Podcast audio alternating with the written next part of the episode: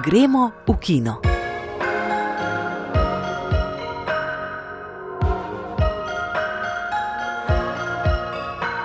Lep pozdrav oddaji o filmu. Pred mikrofon bomo povabili poročevalko Ingrid Kovač-Brus, ki je spremljala 72. Berlinale.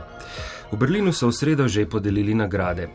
Juri Meden iz Avstrijskega filmskega muzeja bo predstavil svoje razmišljanja o ohranjanju in prikazovanju filma v času digitalizacije, ki jih je zbral v knjigi z naslovom Kaj je kinoteka. Vas zanima, kaj igra v kinu?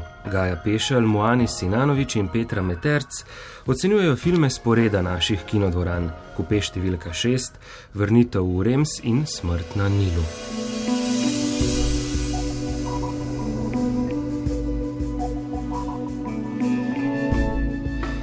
Poročali smo že, da je slovenski film po dolgih letih znova sodeloval v tekmovalnem programu Berlinskega filmskega festivala.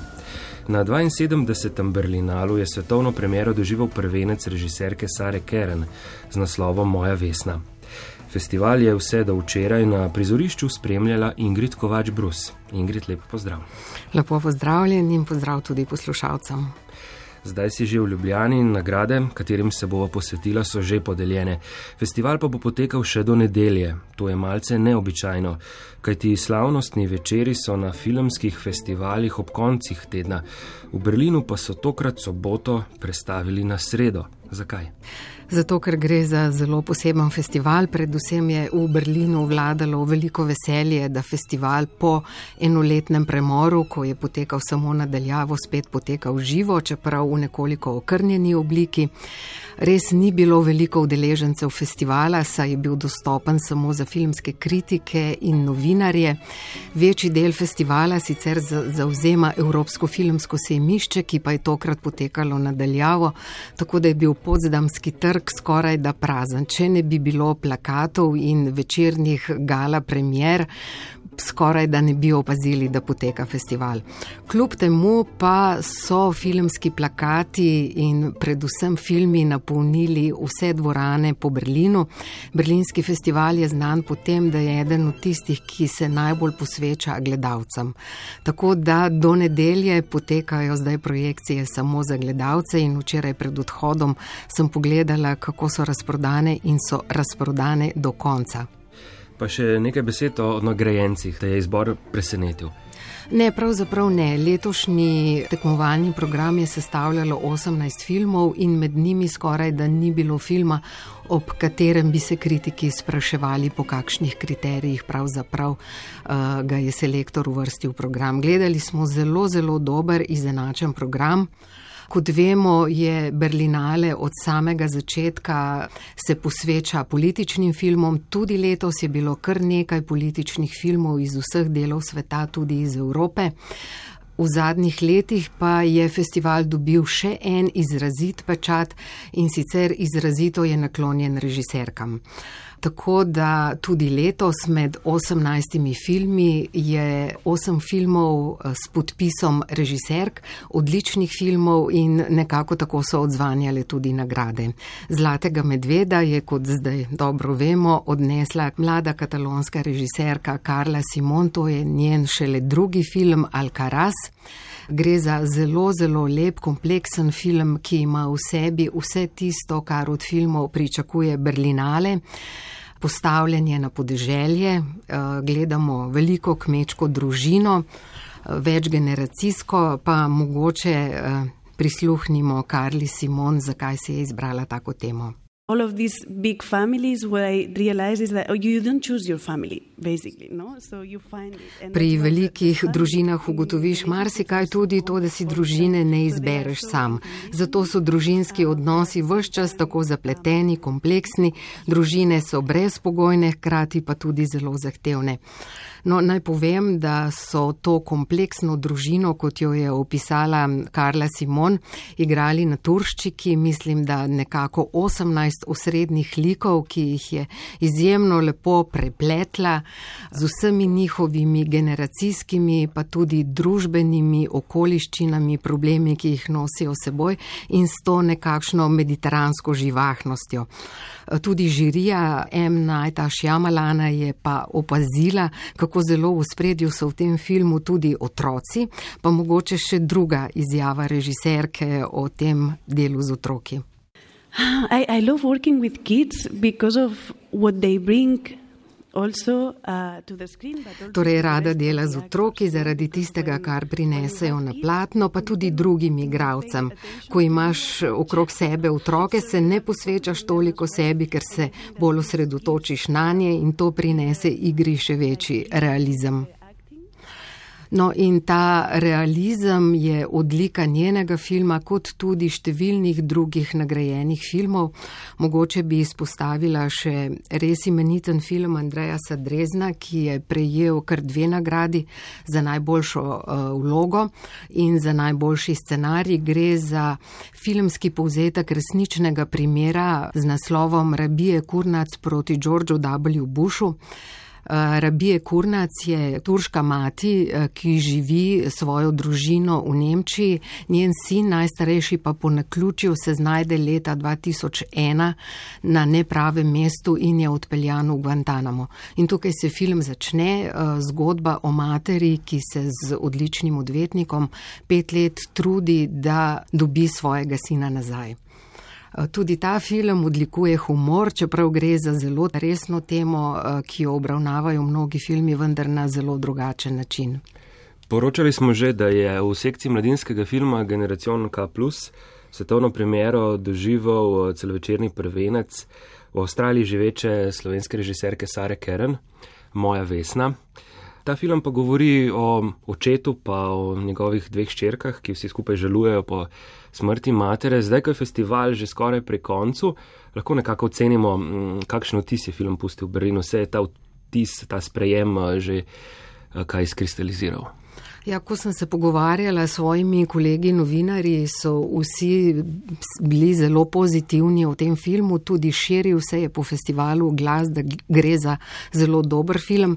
Sama sem se udeležila tudi premjere, ki je izvala res številna vprašanja v občinstvu in občutek, eh, da ima film pred sabo res dobro festivalsko in upam, da tudi kinematografsko pot. Gre za res odličen prvenec Sare Keren, ki ga je posnel imela, kot si rekel, nekako med Slovenijo in Avstralijo in za velik uspeh slovenskega filma v celoti. Mislim, da nekako 20 let smo čakali, da se slovenski film ponovno vrne na Berlinale, ki je eden najpomembnejših filmskih festivalov na svetu. Tam k malu po letu 2000 je že kazalo, da bomo Slovenci imeli vsako leto na Berlinalu celovečerni film zaporedoma, sta bila tam Maja Vajs, pa potem Damjan Kozole. No, vendarle uh, Sara Kern na novo odpira vrata na Berlinale.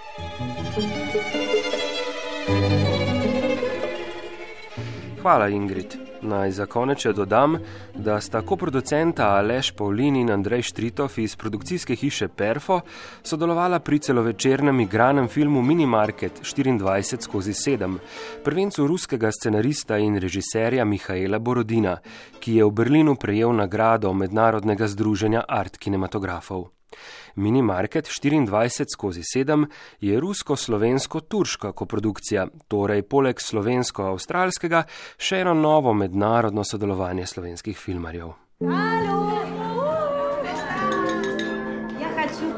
бокал за мою финскую подругу замечательную, которая завтра уезжает далеко-далеко, буквально на север, в Арктику. Дорогая моя, спасибо. Prijemnik velike nagrade žirije v Kanu, film Kope številka 6, si od sinoči lahko ogledate na rednem sporedu Art Kino mreže Slovenije. Kope številka šest je arktični film Ceste, ki ga je mogoče razumeti kot neroden poskus iskanja harmonije in notranjega miru v svetu kaosa in tesnobe. Je film opisal finski režiser Juho Kuosmanen, ki ga poznamo tudi po najsrečnejšem dnevu Olija Mekija. Kot je povedal režiser po sinočnji premjeri v Kinodvoru, film temelji na istoimenskem romanu finske pisateljice Rose Liksom, objavljenem pred desetletjem.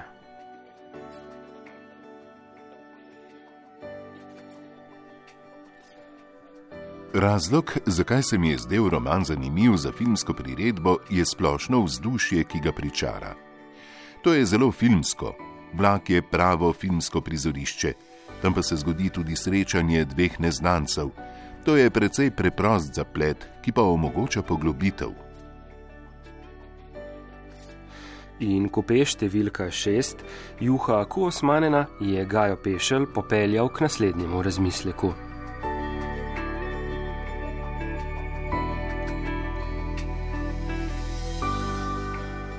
Finski režiser Juho Kuosmanen opaža, da filmi ceste pogosto govorijo o svobodi in neomejeni možnosti izbire. Zan pa je svoboda predvsem sprejeti samega sebe z vsemi svojimi omejitvami vred. In prav na tako pot, pot spoznavanja svojega mesta v kaotičnem in težko razumljivem svetu, pošlje tudi svojo glavno junakinjo, študentko Lauro, in to z vlakom. Vlak, sploh pa ruski vlak ob koncu 90-ih let prejšnjega stoletja, je svoje vrsten sinonim za nesvobodno izbiro. Ob nakupu karte za kupe si si kupil tudi družbo na dolgi poti, moško ali žensko. Možnosti menjave namreč skoraj da ni bilo, bivalni prostor je bil minimalen in zelo omejen, potovanje pa je potekalo po urniku, na katerega se ni dalo vplivati. A preko slej si prišel na cilj. Finka Laura, ki Moskvo zapusti polna vtisov čutne ljubezenske izkušnje z visoko izobraženo stanodajalko Irino, za katero se postopoma izkaže, da je bila le bežna in ne tako večna, kot si je umislila Laura, se v kupeju znajde z ruskim rudarjem Ljoho.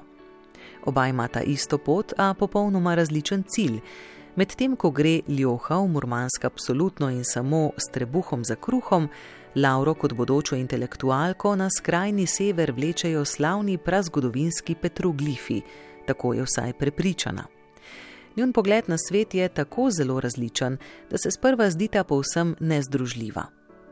Dolgo potovanje, predvsem za Lauro, obljublja skrajno neprijetno izkušnjo, a več časa, ko sta ga prisiljena preživeti skupaj, bolj se zdita povezana.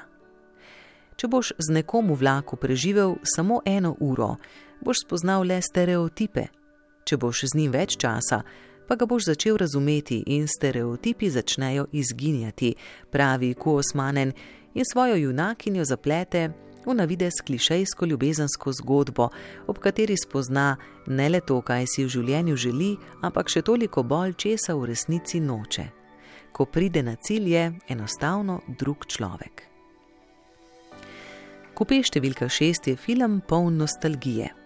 Ohlapno posnet po knjižni predlogi, gledalca spretno in z veliko mero humorja vrača v čas, ko je svet še tekel počasneje, ko se je dalo usesti na vlak in za par dni pozabiti na svet okoli sebe, ko še ni bilo samoumevno, da bomo vse čas z vsem na tekočem in mobilni telefoni še niso omogočali in zahtevali naše stalne pripravljenosti. Včasih, ko je bilo možnosti morda res manj, a so imele zato drugačen, globli pomen. Pomembno je, da se vsaj vsake toliko spomnimo na njega in ko pe številka šest je to nalogo opravil naravnost čudovito.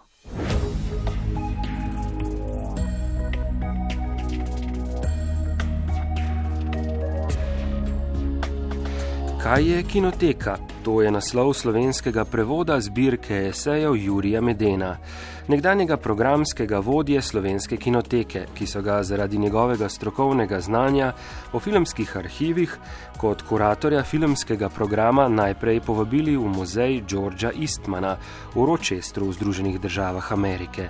Na to pa kot programskega vodjo v Avstrijski filmski muzej na Dunaju, kjer dela danes. V knjigi v 51 esejih opredeljuje vlogo filmskih kinotek in arhivov v današnjem svetu, ki ga po eni strani zaznamuje postopno propadanje filmske dediščine, po drugi pa digitalizacija s svojimi prednostmi in pastmi. Kot pravi Juri Meden, ključna naloga kinotek in arhivov ni le reprodukcija uveljavljenih filmskih kanonov, ampak tudi njihovo ponovno ovrednotenje in aktivno sooblikovanje naprimer preizpraševanje vodilne vloge zahodnih, belih, moških filmskih avtorjev. Pri tem je po njegovem prvo vodilo lokalni kontekst. Tina Poglajen.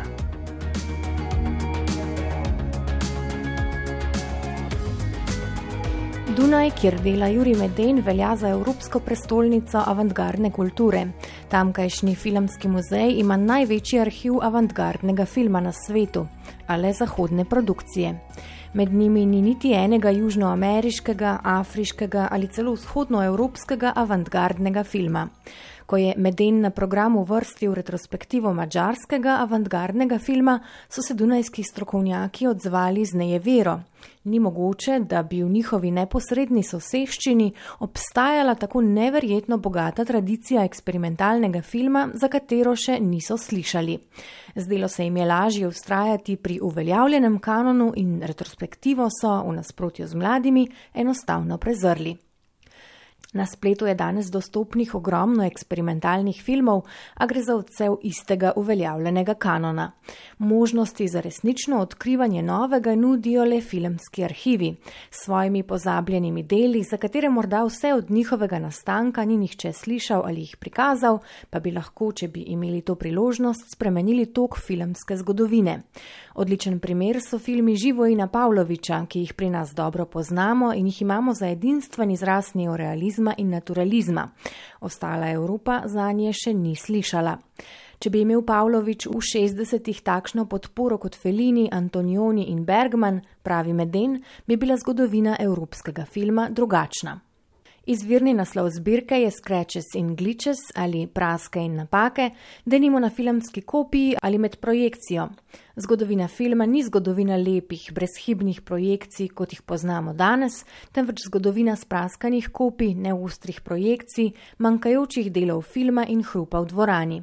V skladu s tem meden v knjigi ne proizvede homogenega stališča ali teorije, temveč se do vprašanj opredeljuje z diametralno nasprotnih pogledov temeljno prepričanje zahodne filmske arhivistike in kuratorstva, da je film kot umetniško delo neločljiv od svojega medija, torej filmskega traku, večkrat izzove. Ja, ne, filmski trak je nekaj lepega, nekaj zanimivega, nekaj trajnega, nekaj, kar nam je lahko v veliko pomoč.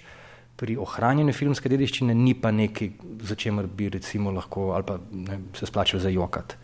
Digitalizacija ni le stvar napredka. Spodbujati so jo pričeli hollywoodski studiji, saj jim je omogočila cenejšo množično distribucijo blockbusterjev. Filmski projektori so delovali tudi 70 let in več, filmski trak je zelo obstojen, digitalna tehnologija pa je monopolizirana in jo je treba menjati na 10 let. Podobne pomisleke ima Meden v zvezi z digitalizacijo filmske dediščine. Ja, to je spet dvorezen meč. Um, namreč um, ena izmed mojih idej, ko sem to knjigo pisal, je bila ta, da bi do teh kompleksnih vprašanj, kot so recimo digitalizacija, ne, nosilci filma, pristopil na večplasten način in da bi pogledal na neka obstoječa prepričanja in da bi jih preuprašal. Digitalizacija je lahko nekaj neznosno lepega. Ne? Digitalizacija, kot sem prej omenil, je povzročila to, da se je film otresel teh nekih težkih nosilcev. Um, ravno zadnjič sem bral nek zanimiv tekst o tem, kako je šele digitalizacija iz filma naredila nekaj, v čemer lahko zdaj uh, tudi vegani uživajo, ker kar naenkrat niso več uh, noter upletene v boge krave, ker prej se je v bistvu želatino, ki je bila narejena iz kopit, uporabljala za emulzijo na filmskem traku. Uh, Digitalizacija je tudi demokratizirala film v eni ogromni meri. Je pa to seveda tudi nekaj, kar neka taka fancy beseda, ne, ki uh, dajmo digitalizirati filmsko dediščino, da ne bo postala nevidna. Jaz smo se sami odločili, da ne bomo več filmov gledali na, na, na filmskem traku in moramo zdaj vse digitalizirati panično, ker smo stran vrgli filmske projektorje. Ne zato, ker bi bili preslabi, ampak ker nam je tako narekovala industrija, ki jo vodijo profiti. Tako da ne, poskušam opredeliti digitalizacijo kot nekaj, kar je in pozitivno, in negativno, oziroma predvsem nekaj, kar je onkraj tega, no. odvisno od tega, na kakšen način jo uporabljamo, gledamo na njo. Kompleksen pojav. Z množično digitalizacijo so filmski projektori postali privilegij, tako kot je privilegij okolje kinoteke, muzeja z idealnimi pogoji prikazovanja. V enem izmed esejev Medeno piše, kako je v Prizrenu organizatorjem Dokufesta pridigal, da filma kot je Trpljenje device Orleanske ne morejo prikazati z DVD-ja. Pa smo pojasnili, da v Prizrenu ni delujočega 35 mm filmskega projektorja, da ni operaterjev, ki bi s takšnimi kopijami znali ravnati, ni proračuna za izposojo, predvsem pa da festivalu, ki ni član Mednarodne zveze filmskih arhivov in državi, ki je šele nedavno razglasila samostojnost, takšne kopije ne bi nihče posodil. Bi rekel, da, da je ogromno teh naših prepričanj o tem, kako je treba gledati filme, kako je prav gledati filme, v resnici posledica nekih privilegijev, ki se jih ponavadi sploh ne zavedamo. Ne? Recimo ta neka dogma, da je treba filme gledati ne, v nekem avtentičnem okolju, na filmskem traku, je v bistvu nekaj, kar je zraslo na zelniku nekih bogatih zahodnih kinotek. Druge po svetu pa gledajo filme tako, kot jih pač lahko gledajo. Um, tako kot je preganjanje piratov v resnici neka taka zahodna praksa, ampak če ukinemo zdaj uh, vse piratiziranje filmov, potem bodo kar naenkrat uh, ogromni prostori na svetu ostali brez dostopa do filmske kulture, bodo čisto pustošeni. Um, tako da, ja, pač stvar je relativna in pogosto pogojena prej, ko ne z nekimi privilegiji, ne pa nekimi dejstvi, tako je boljši, tako je slabši. Slovenski prevod zbirke Kaj je kinoteka je išel pri slovenski kinoteki v zbirki Kinotečni zvezki.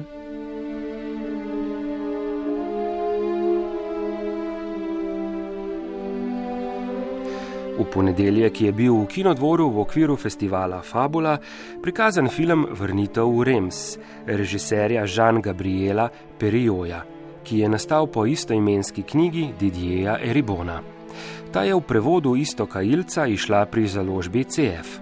Prevajalec knjige Istok Ilc. On namen je predvsem, da analizira eh, svojo življenjsko zgodbo, pa položaj svoje družine in to, to naredi, pač po domač povedan, naredi nekaj stadi samega sebe. Ne? Govori, kako so oni živeli, razne anekdote iz tega življenja, naprimer, kako so se zabavali in tako naprej, kako so hodili na izlete in potem to on prelepi na neko teoretično um, podlago, kateri je zelo vešč kot, seveda, kot sociolog in filozof po izobrazbi. Seveda mu je veliko pomagalo tudi uh, to, da je svojo kariero začel kot nekakšen novinar, ki je pokrival, v bistvu recenziral teoretična dela in delal intervjuje z znamenitimi filozofi. Seveda to ni njegovo prvo delo, pred njim je že kar nekaj kilometrine, tako da mu je to zelo zlahka steklo, čeprav sam pravi, da je za nekaj časa odložil to, ne? potem je pa pač nadaljeval na neki točki. Dokumentarec, ki je svobodna priredba omenjene knjige Didjeja Eribona, je svetovno premiero doživel v kanski sekciji 14 dni režiserjev. Vrnitev v Rems si je ogledala Petra Meterc.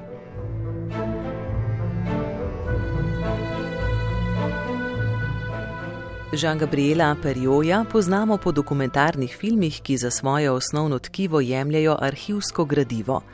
In tako se je lotil tudi preslikave knjige Vrnitev v Rems Didjeja Eribona na filmsko platno. Vzel jo je za izhodišče istoimenskega filma, ki portretira delavski razred v Franciji od 30. let 20. stoletja do danes. Perjo iz knjige izlušči zgodbo o pisateljevi materi, izpusti pa premisleke o zapustitvi delavskega okolja ter o homoseksualnosti in odnosu z očetom. Film, ki se deli na dve poglavji in epilog, se v prvi polovici še najbolj posveča položaju žensk delavskega razreda. Ob pomoči skrbno izbranih arhivskih podob iz novic, intervjujev, igranih in dokumentarnih filmov, ki jih v ofu spremlja pripoved iz knjige, govori o usodi žensk, ki so bile med drugo svetovno vojno poslane na obvezno delo v Nemčijo, pozneje pa jim je bila očitana kolaboracija in so bile javno sramočene, pa o povojnem izčrpavajočem delu v proizvodnji, spolnem nasilju na delovnem mestu, skrajni revščini in nepismenosti, življenju v izoliranih tovarnam podobnih socialnih stanovanjih, pa tudi o nedostopnosti do kontracepcije in prepovedi prekinitve nosečnosti, ki sta ženske ob službah in domačem gospodinskem delu še dodatno bremenili. Perjo podob nikoli ne uporablja samo za ponazoritev tistega, kar je povedano z besedami, temveč z njimi vse čas vstopa v pomenljiv dialog. Režiser, ki je film sam tudi montiral, namreč poskrbi, da iz sosledja podob in kopice glasov vznikajo nova vprašanja, ki že vzpostavljene pomene nadgradijo. Iz Aribonove družinske zgodovine tako naslika širšo, pozabljeno zgodovino delavskih žensk v Franciji. V drugem delu se film osredinja na spremembe delavskega razreda, ki so se v Franciji zgodile v 70. in 80. letih prejšnjega stoletja, ter novo politično krajino, Pri tem pa, tako kot Ribon v knjigi, predstavi enačbo razočaranja delavskega razreda nad politično levico ter posledičnega obrata k desnici, ki naj bi ga znala bolje nagovoriti. V prvem delu je film dajal prepotreben glas delavkam, drugemu delu ob nekoliko posplošeni in pospešeni analizi na račun tega, da bi film prignal do sedanjega trenutka s protesti rumenih jopičev in ga tako aktualiziral, pa to vrstna raznolikost glasov umanka in tako se režiser delno ujame v zanko predvidevanja v imenu delavskega razreda, ki naj bi se samo pasivno obračal k eni ali drugi politični strani.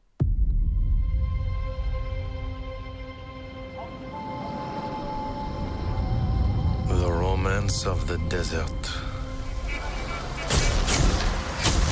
has the power to seduce. Britanski igralec Kenneth Branagh se vrača kot režiser in detektiv Hercule Poirot v priredbi istoimenske klasike Agatha Christie, ki si je zaslužila naziv enega njenih najboljših romanov. Ali je smrt na Nilu res privlačen thriller, kot se oglašuje, boste izvedeli v oceni Moanisa Sinanoviča. Ob ogledu prve polovice najnovejše uprizoritve detektivskih dogodivščin Erkila Poiroja bi se lahko zdelo, da je pred nami odlična priložnost za tipično filozofsko obravnavo žanrskega dela.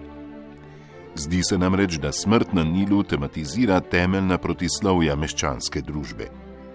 Poirot kot lik, ki zaradi osebne tragedije ni več zmožen ljubezenskega razmerja, kot udeleženec, istočasno pa opazovalec visoke družbe, ponuja odlično izhodišče za njeno razumevanje.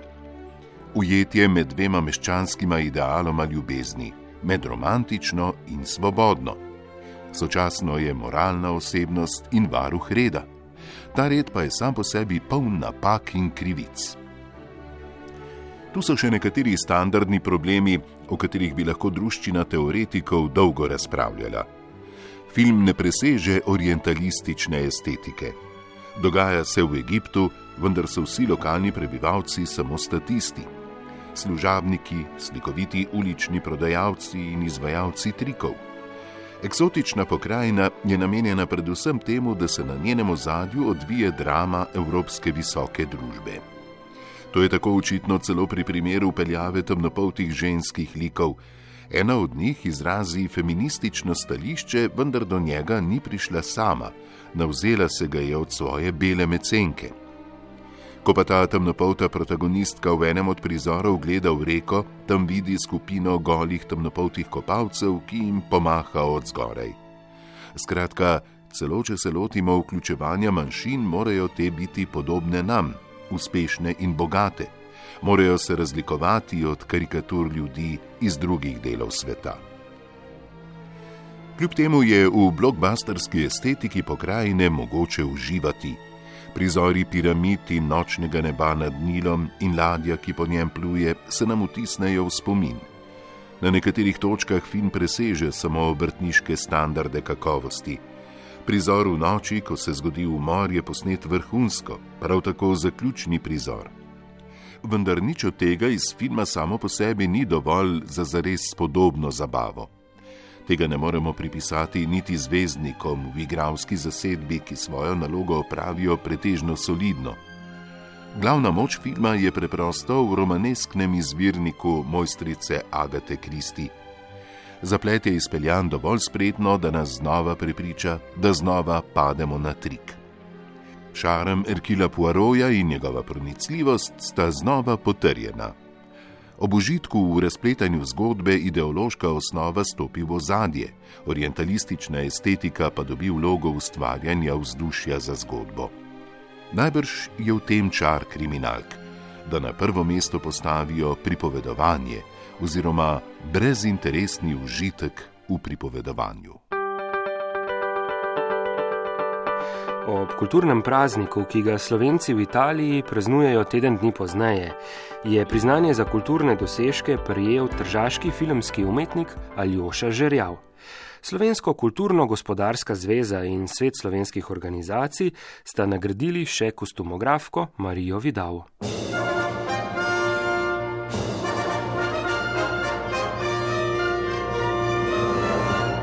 Filmoteka v sodelovanju z Društvom slovenskega animiranega filma predstavlja novo pridobitev v aplikaciji RTV 365. Animirano miniserijo Muri v režiji Borisa Dolenca in Jrneja Žmitka.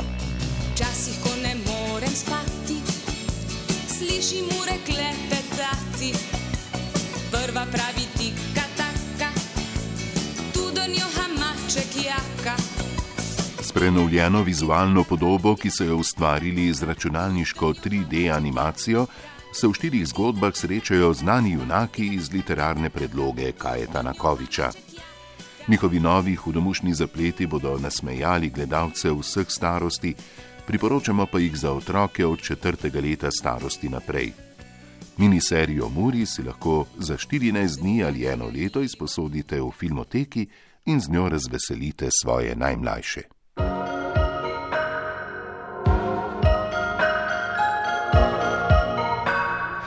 To je bila oddaja Gremo v kino. Če vas zanimajo novice iz filmskega sveta in pogovori z ustvarjalci in ustvarjalkami filmov, ki se vrtijo v kinu ali na festivalih, se na njo naročite v svoji aplikaciji za podkaste. Dostopna je tudi na spletnih straneh Arsa in Prvega. Pripravili smo jo glasbena opremljevalka Tina Ogrin, tonska mojstra Vladimir Jovanovič in Vojko Kokot, napovedovalca Ivan Lotrič in Mateja Perpar, uredil in vodil sem jo Urban Tarman. Hvala za pozornost in lep pozdrav do prihodnega tedna, ko bomo znova z vami.